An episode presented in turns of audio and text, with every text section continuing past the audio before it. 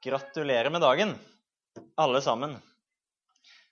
Når jeg fikk dette spørsmålet her, så var det nesten ikke en anledning jeg kunne la by fra meg å få tale på 200-årsjubileet til selveste Grunnloven. Det er bare en ting jeg skal få oppleve én gang i mitt liv, så det, det er en ganske stor dag. Vi, eh, vi må fortsette oss å legge møtet i Guds hender. Ja, takk, kjære Gud, for at vi skal få bo i Norge. Takk for landet vårt. Takk for alle de menneskene som har trodd på deg opp gjennom tidene. Takk for alt det har betydd for Norge. At de ville bygge et land som var bygd på ditt ord og dine bud. Jeg ber om at du må velsigne stunda vi skal ha sammen nå. Må du komme og åpne opp ordet ditt, sånn at vi kan få se hva du har gjemt for oss der. Ber om at du må være med meg, at jeg må si de rette ting om deg. Vi legger stunda nå i dine gode hender og ber om at du må komme og være oss nær og møte oss. Amen.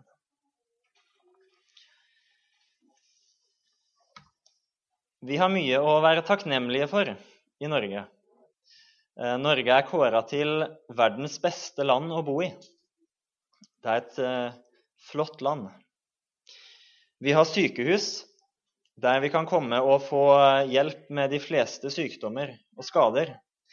Vi har et politi som vi kan stole på, og rettsvesen som gjør den jobben de skal gjøre. Vi kan være trygge, stort sett. Vi har overflod av mat, og vi har overflod av klær. Vi kan kjøpe oss det meste vi vil. Men allikevel så kan vi kanskje sutre over at eh, det trådløse internettet er så treigt når vi skal se fotballkamp, og klage på de minste ting. Det er ikke alltid vi klarer å være så takknemlige på alt det gode Gud har gitt landet vårt. Og jeg tror det at vi i Norge i dag vi står i stor fare for å nettopp å glemme Gud midt oppi all den godheten han har vist oss.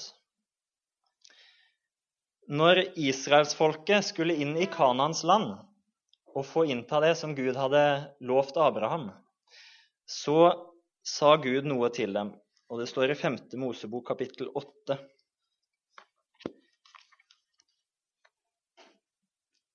Der står det sånn Gud sier til eh, israelsfolket, og hold Herren, din Guds bud, så du vandrer på hans veier og frykter ham når Herren din Gud fører deg inn i et godt land, et land med rennende bekker, med kilder og dype vann, som veller fram i dalene og på fjellene, et land med hvete og bygg og vintrær og fikentrær og granatepletrær, et land med oljetrær og honning, et land hvor du ikke skal ete ditt brød i armod, hvor du ikke skal mangle noe, et land hvor steinene er jern, og hvor du kan hogge ut kobber av fjellene. Og når du så eter og blir mett, og lover Herren din Gud for det gode landet han har gitt deg. Da vokt deg for å glemme Herren din Gud, så du ikke tar vare på Hans bud og Hans forskrifter og Hans lover, som jeg pålegger deg i dag. Israelsfolket skulle vokte seg nå for å glemme Gud når de kom inn i dette flotte landet. Nå hadde de vært i ørkenen i 40 år. Eh, Gud hadde tatt seg av dem på en lang vandring. Han hadde gitt dem manna hver dag å spise. Han hadde latt vann flyte fram midt i ørkenen, fra klippen. Tatt seg av folket sitt. De hadde vært avhengig av Gud. Men når de nå endelig skal få komme inn i dette landet og få leve i overflod og ha det godt, så ber Gud de om at nå må de ikke glemme Gud, for vi har så lett for å gjøre det. Når det går godt, og vi ikke trenger Gud på en måte så mye som vi trengte han før, så er det lett å glemme han. Og lett å glemme de lover og bud som han har satt for menneskene.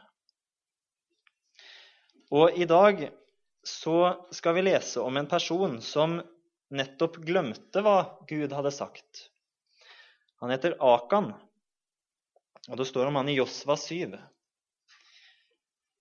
Gud hadde gitt eh, israelsfolket beskjed om å innta byen Jeriko i det nye landet. Og da gir han et forbud i Josva 6. Gud sier sånn Men vokt dere vel for det som er bannlyst, så dere ikke først slår med bann og siden tar av det som er bannlyst, for da legger dere Israels leir under bann og fører den i ulykke. Men alt sølv og gull og alle ting som er av kobber og jern, skal være helliget til Herren og komme i Herrens skattkammer. Det var det budet Gud hadde gitt dem når de skulle innta denne byen. Det godset som var igjen, det skulle være til Herren. Og Så leser vi i kapittel 7 om hvordan det gikk. For Gud gjør et under. Han lar Jerikos murer falle. Og så får israelsfolket innta byen. Men så leser vi om Akan. Men Israels barn handlet troløst med det bannlyste godset. Akan, sønn av Karmi, som var sønn av Sabdi og sønnesønn av Sera, av Judas stamme, tok, no, tok noe av det som var bannlyst. Da ble Herrens vrede opptent mot Israels barn.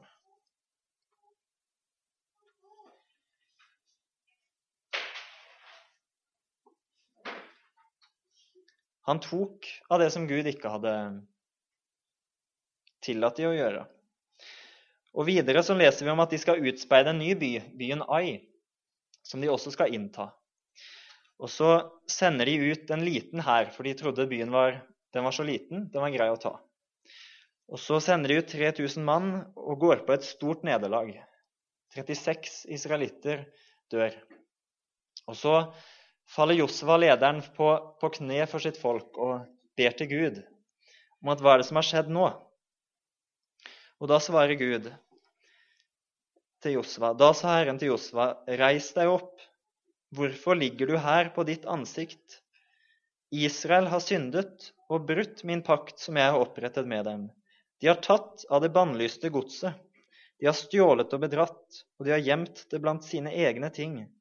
Derfor kan Israels barn ikke stå seg mot sine fiender, men må flykte for dem. For de er selv kommet under bann. Hvis dere ikke skiller dere av med det bannlyste, vil jeg ikke lenger være med dere.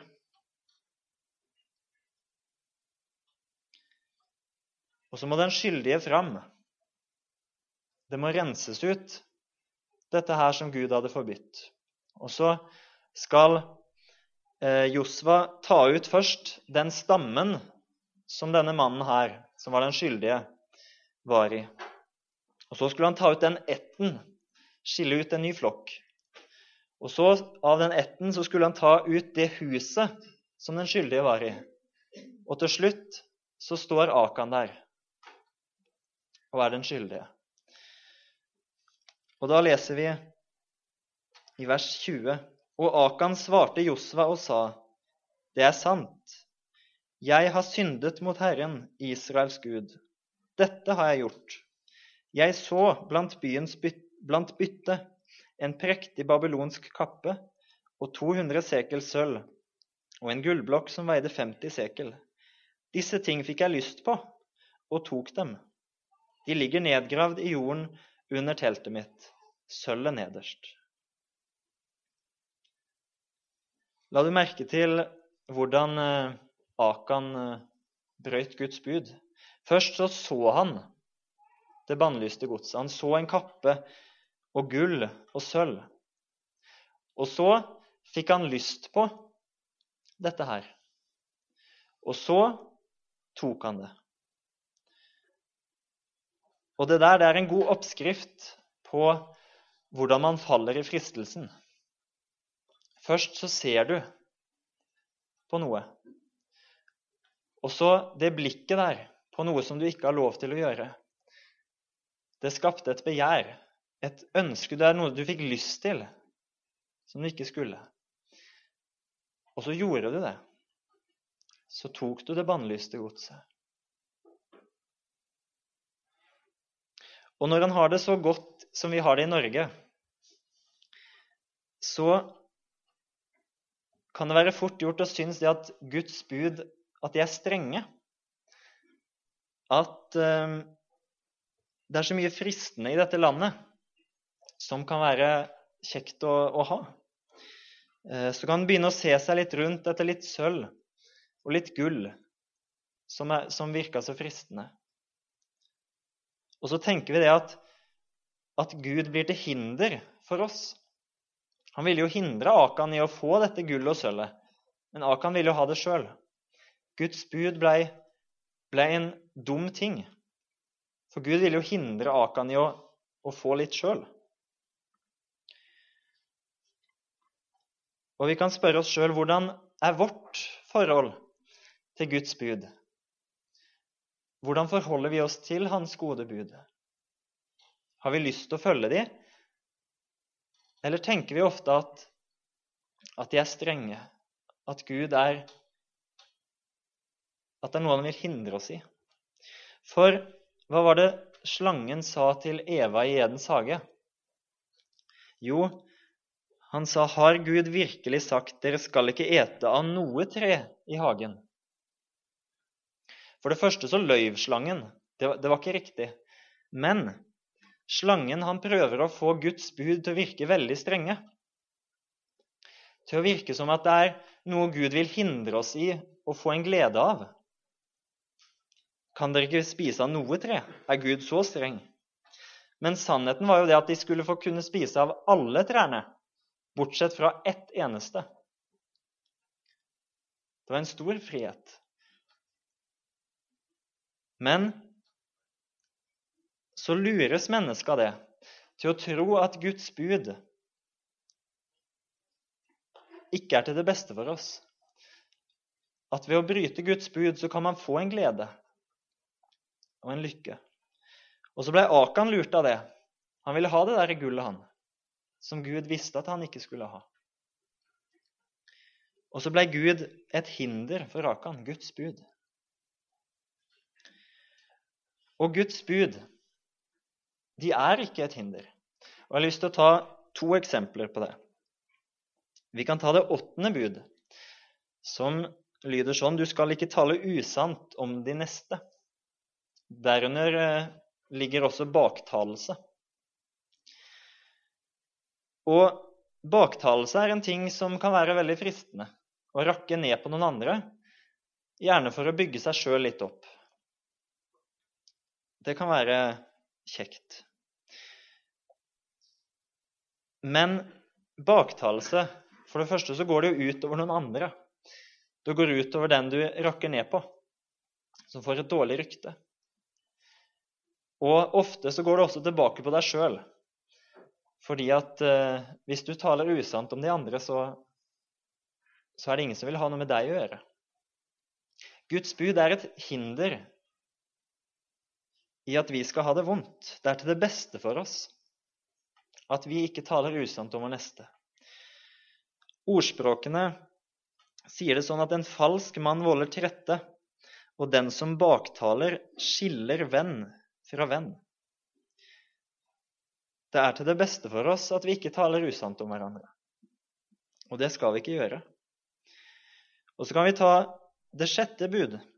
Du skal ikke drive hor eller bryte ekteskapet.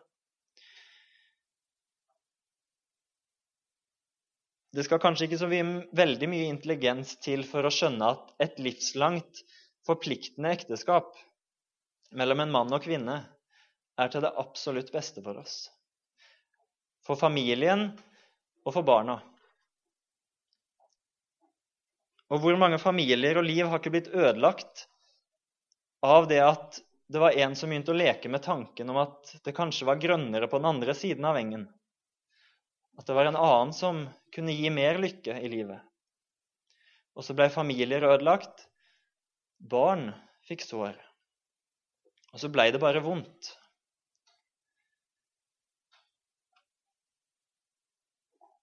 Og i dag så dyrkes jo i media og i samfunnet så dyrkes jo dette idealet om at å leve med hvem man vil, og når man vil, at det er den ultimate lykken. Prøv litt her og der og se hva som er best for deg. Men det er ikke sånn. Guds bud er til det beste for oss. Det er ikke et hinder, men han vil verne oss fra noe som ikke er til, til godt for oss. Gud vet bedre for oss. Han vil verne oss fra det livet som ikke var så grønt som det kunne se ut som. Og Ordspråkene sier igjen 'den som driver hor med en kvinne, er uten forstand i sitt hjerte'. Den som gjør det, ødelegger sin egen sjel. Han vet egentlig ikke sitt eget beste. Og vi kunne tatt bud for bud.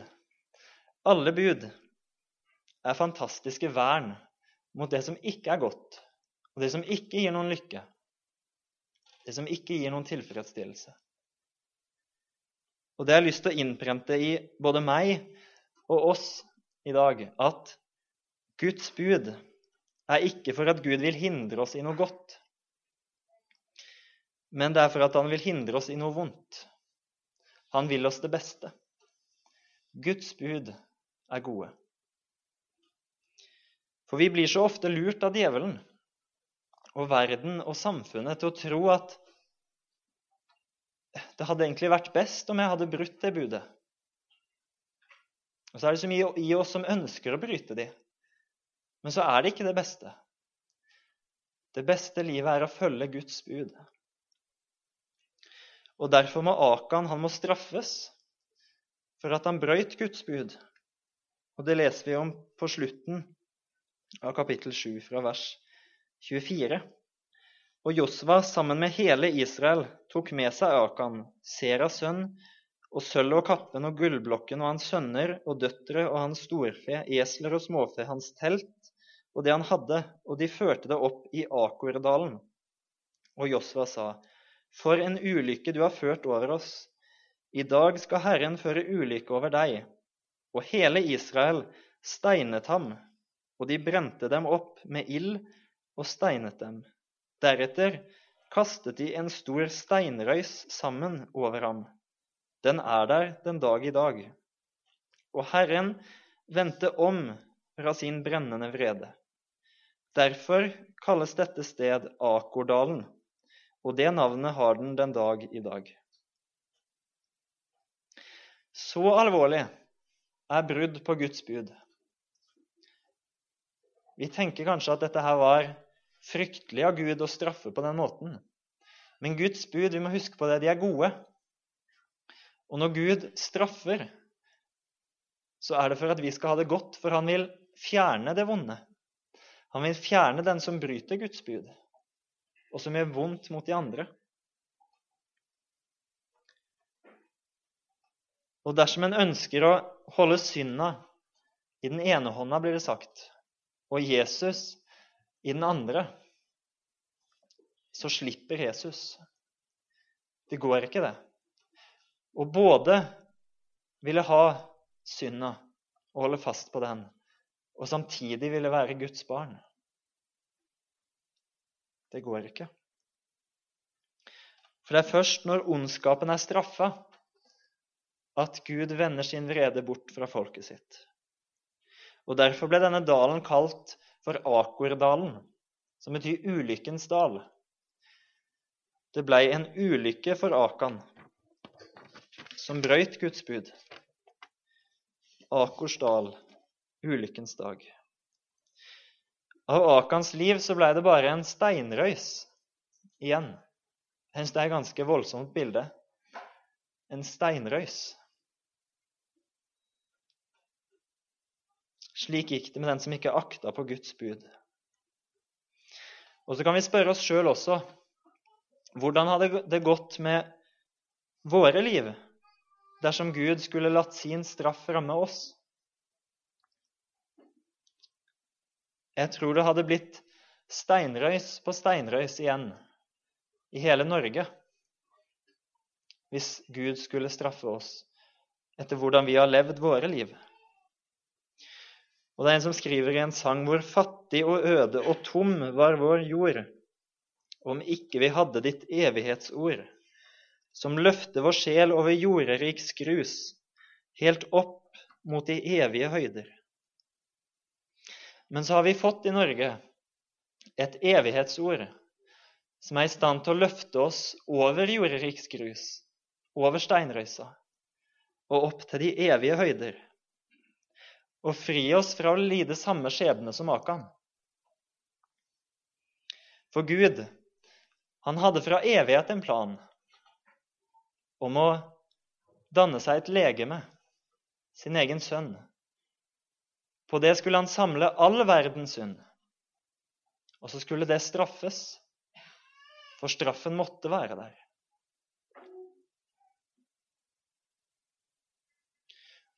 Og det skriver Jesaja om i kapittel 65. Der står det sånn Så sier Herren, som folk sier når de finner saft i druen, ødelegg den ikke, for det er en velsignelse i den.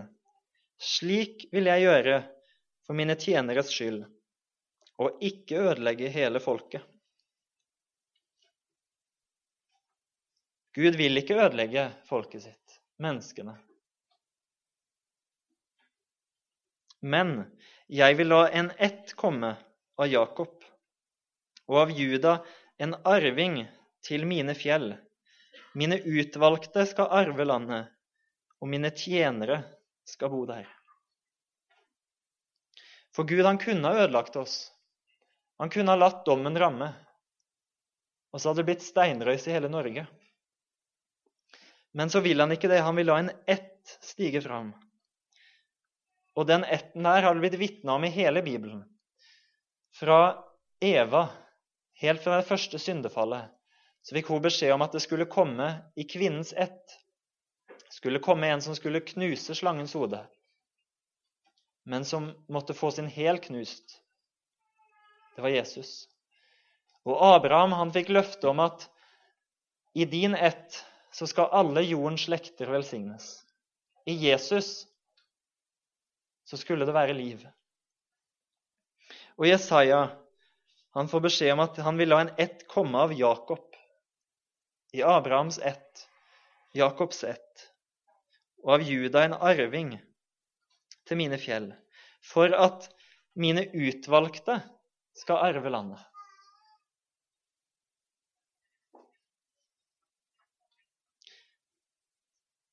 Denne etten her, Jesus, han måtte ta på seg vår straff, våre brutte bud. Og så måtte han dø for det. Og på den måten så kunne Gud samle all verdens synd på ett legeme i Jerusalem, på Golgata.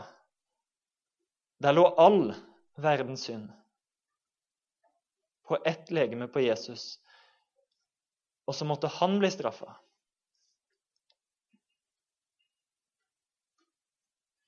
For at vi skulle gå fri.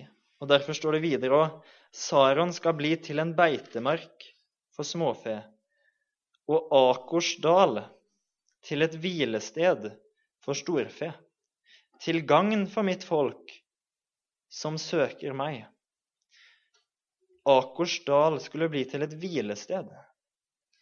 Akersdal, det var ulykkens dal, der steinrøysa lå igjen, der straffen hadde ramma. Men nå skal Akersdal bli til et hvilested, fordi Jesus tok på seg den steinrøysa. Han gikk inn i den dalen, i vårt sted, og led vår straff. Steinrøysa måtte ramme han. Og så blir Akersdal dal til et hvilested. Et annet sted står det at det skal bli til en håpets dør. Der vi skal få evig liv. Fordi Jesus tok vår straff. Klippe, du som brast for meg, la meg skjule meg i deg. Og vi må takke Gud for at han lot dette ordet her komme til Norge en dag. Lot lyset få komme inn over landet vårt. Og vi synger det så fint i Fedrelandssalmen. Vårt heimland i mørker lenge lå, og vannkunna Jose gjøymde, Men Gud, du i nåde til oss så, din kjærleik oss ikke gløymde.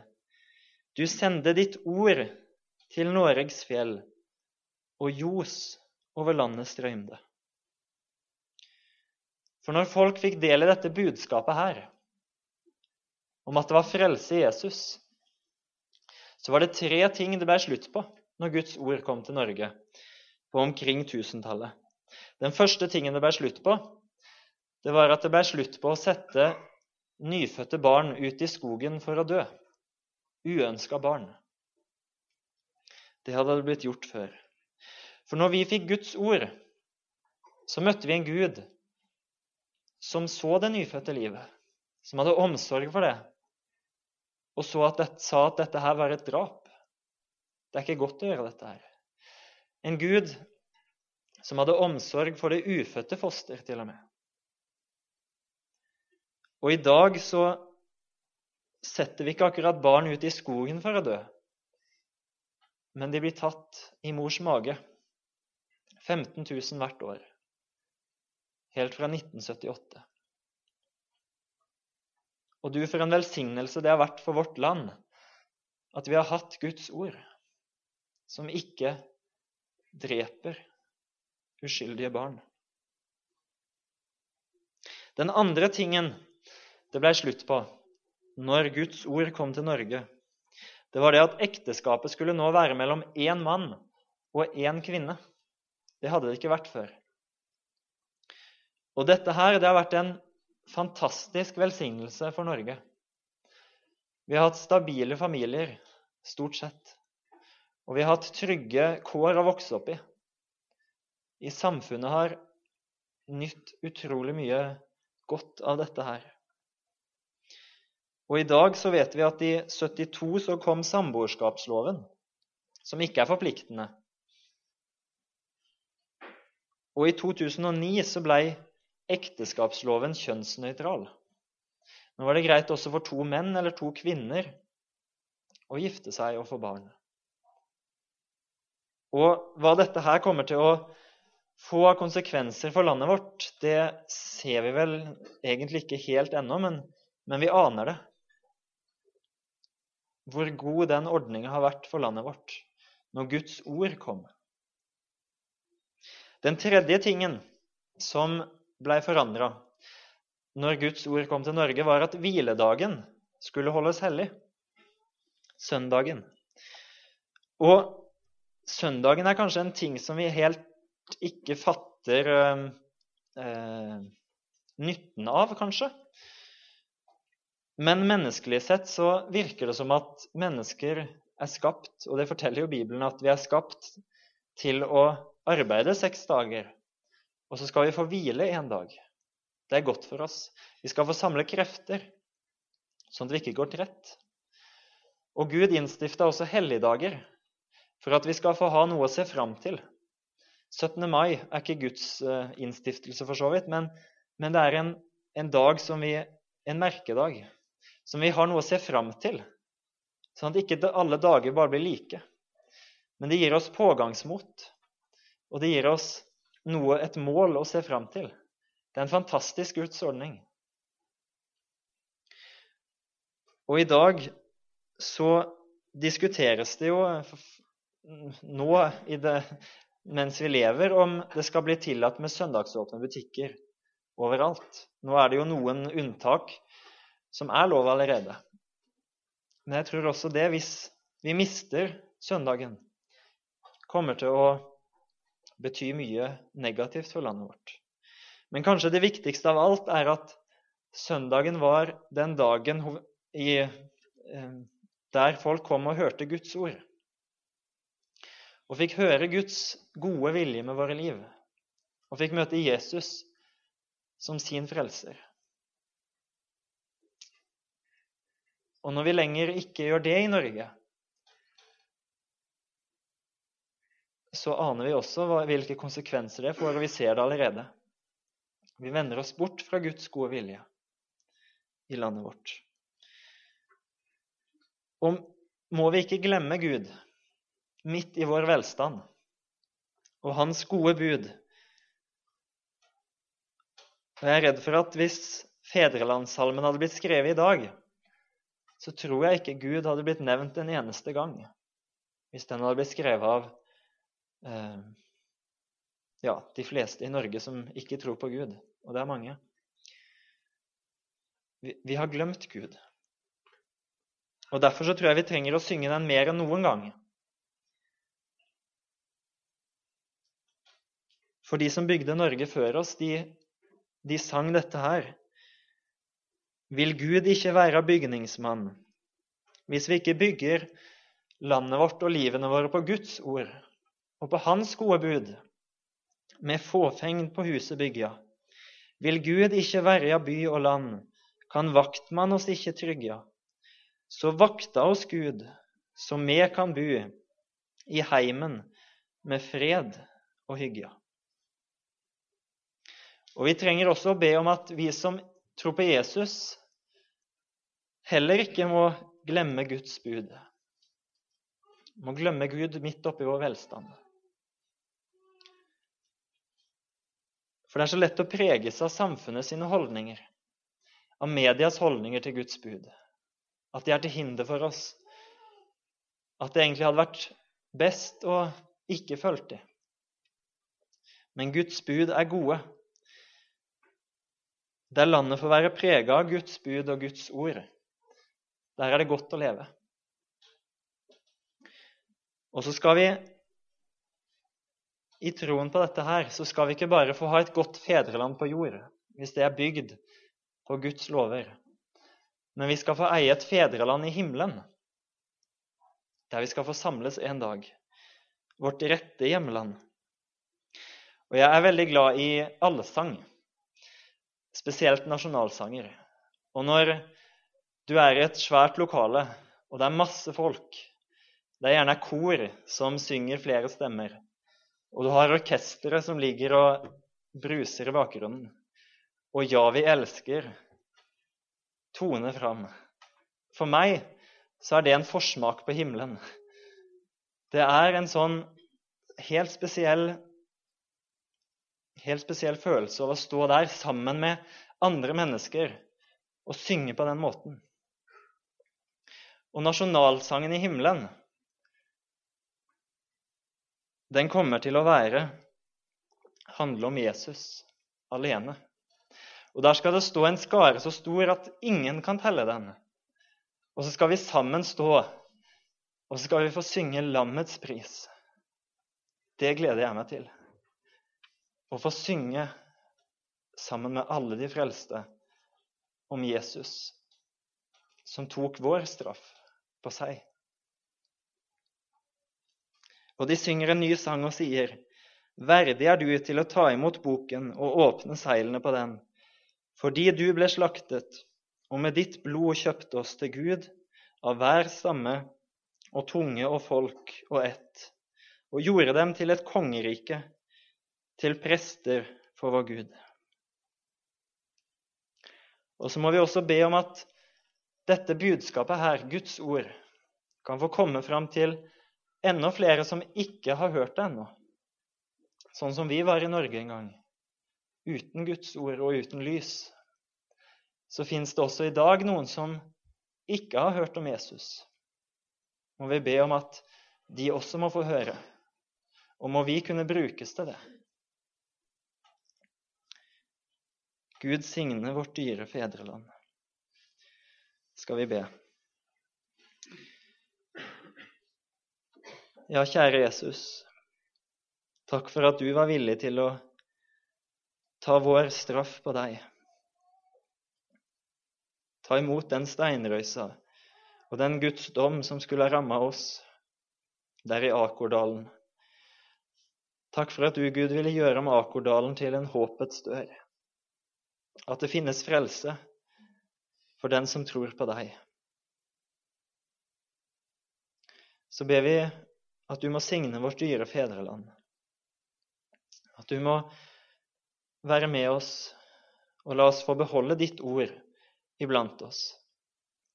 At landet vårt må kunne få bli bygd på dine bud, dine gode bud. Vi ber for storting og konge og regjering og alle som styrer, må du si nåde til oss. La de få styre på en måte som er etter din vilje, etter dine gode bud. Så ber jeg for oss som tror på deg, at vi heller ikke må bli lurt av djevelen til å bryte dine bud, men at vi må få se det at dine bud er til det beste for oss. De er fantastisk gode. Må du signe vårt dyre fedreland. Amen.